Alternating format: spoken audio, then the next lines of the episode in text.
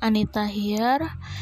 Welcome to my podcast. In today podcast, I'm going to tell you a little about the books I read and the movie I watch.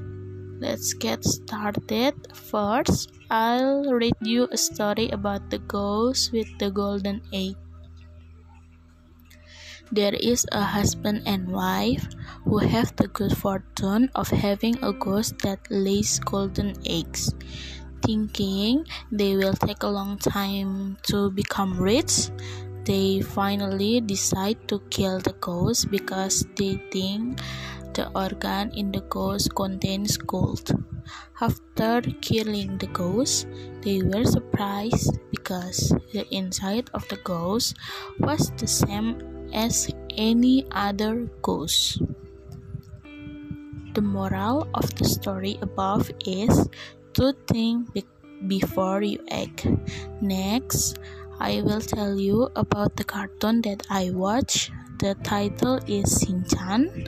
It's a long time since I had that tells the story of Shin-chan's parents who have not dated for a long time together after marriage.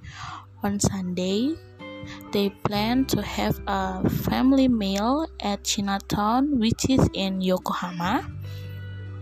But because Shin-chan's grandfather from Akita came, and they only had two meal coupons, Shin-chan's grandfather told Shin-chan's parents to go alone and he will take care of Shin-chan and Himawari. Finally, they went alone and left Shin-chan and Himawari to his grandfather. Well, that's the story of the books and movies that I read and watch. Thanks for listening. See you. Bye bye.